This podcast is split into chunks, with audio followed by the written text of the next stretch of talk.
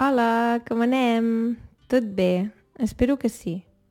Avui et vull parlar sobre com utilitzar llibres per aprendre català o qualsevol altre idioma.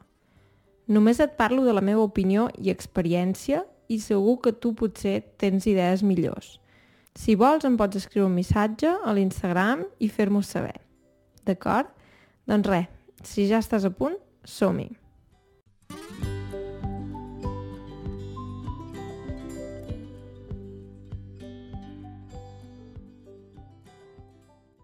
Com escollir un llibre si estàs aprenent un idioma? Depèn molt de quin idioma i quins altres idiomes ja parles.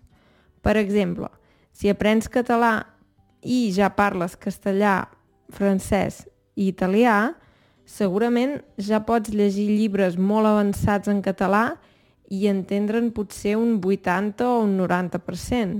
O sigui que llegir llibres d'aquest tipus et pot resultar útil, fins i tot si no en saps gaire de català. Per què?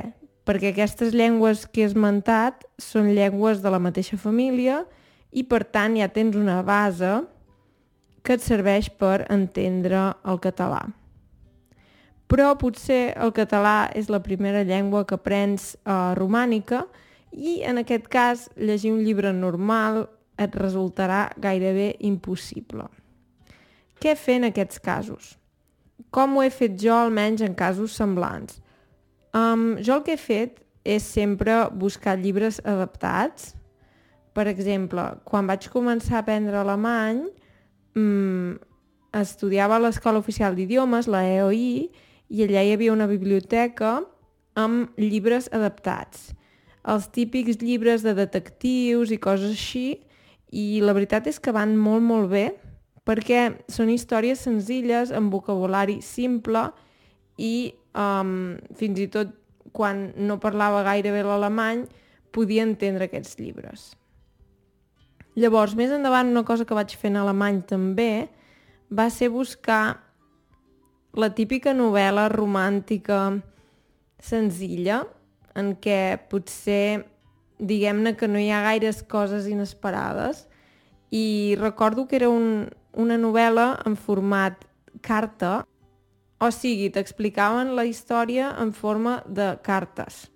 Tot eren cartes. Començava la història i eren uns nens petits que s'escrivien una carta molt senzilla o un missatge escrit um, i anava passant el temps i veies que s'havien enamorat i parlaven això a través de cartes. Um, ara no recordo ben bé la història, però recordo que tenia un nivell B1 i que vaig pensar, ai mira, doncs ho entenc gairebé tot. En canvi, si hagués agafat un llibre una mica més complicat, més difícil d'entendre, m'hauria costat molt més. Llavors jo, amb el nivell que tenia, un tema així fàcil, un format senzill, com és el de cartes, o sigui, sempre té la mateixa estructura, um, se saluden, diuen com estàs, diuen què ha passat últimament, um, expliquen alguna cosa i llavors s'acomiaden, es diuen adeu. I crec que a mi em va anar molt bé perquè em va animar molt. Vaig dir, ai, mira, ja en tinc un llibre en alemany. Sí, i llavors més endavant una vegada vaig llegir un llibre en rus, que va ser el primer llibre que vaig llegir en aquesta llengua, i com que era un llibre que era força difícil pel meu nivell, vaig decidir llegir una pàgina cada dia. Llavors, el nivell potser era una mica massa elevat per mi, però com que només llegia una pàgina al dia, no era tan difícil. I, a més a més, vaig escollir un tema que m'interessava, que era sobre la productivitat. Llavors, al final, quan vaig acabar el llibre, ja n'estava una mica farta del tema perquè clar, cansa també sempre llegir sobre el mateix tema. Però va ser una manera que em va permetre poder llegir aquell llibre, perquè perquè si hagués llegit cada dia, no sé, 20-30 pàgines, me n'hauria cansat, m'hauria semblat massa difícil. Sí, llavors, per exemple, hi ha una cosa que faig de vegades és rellegir llibres, si hi ha llibres que ja he llegit, per exemple, en anglès o en català, i, per exemple, ara mm, fa uns mesos aprenia suec. hauria sigut una bona idea, per exemple, llegir els llibres de Harry Potter en suec. O, per exemple, mm, no ho sé, El petit príncep, o el que sigui. Pot haver-hi històries, diguem-ne, llibres, que han de ser llibres bastant coneguts, um, que també existeixin en català. O sigui, que no siguin originals en català, sinó que siguin una traducció. Per què? Perquè així ja coneixes la història original i és molt més fàcil entendre de què va el llibre.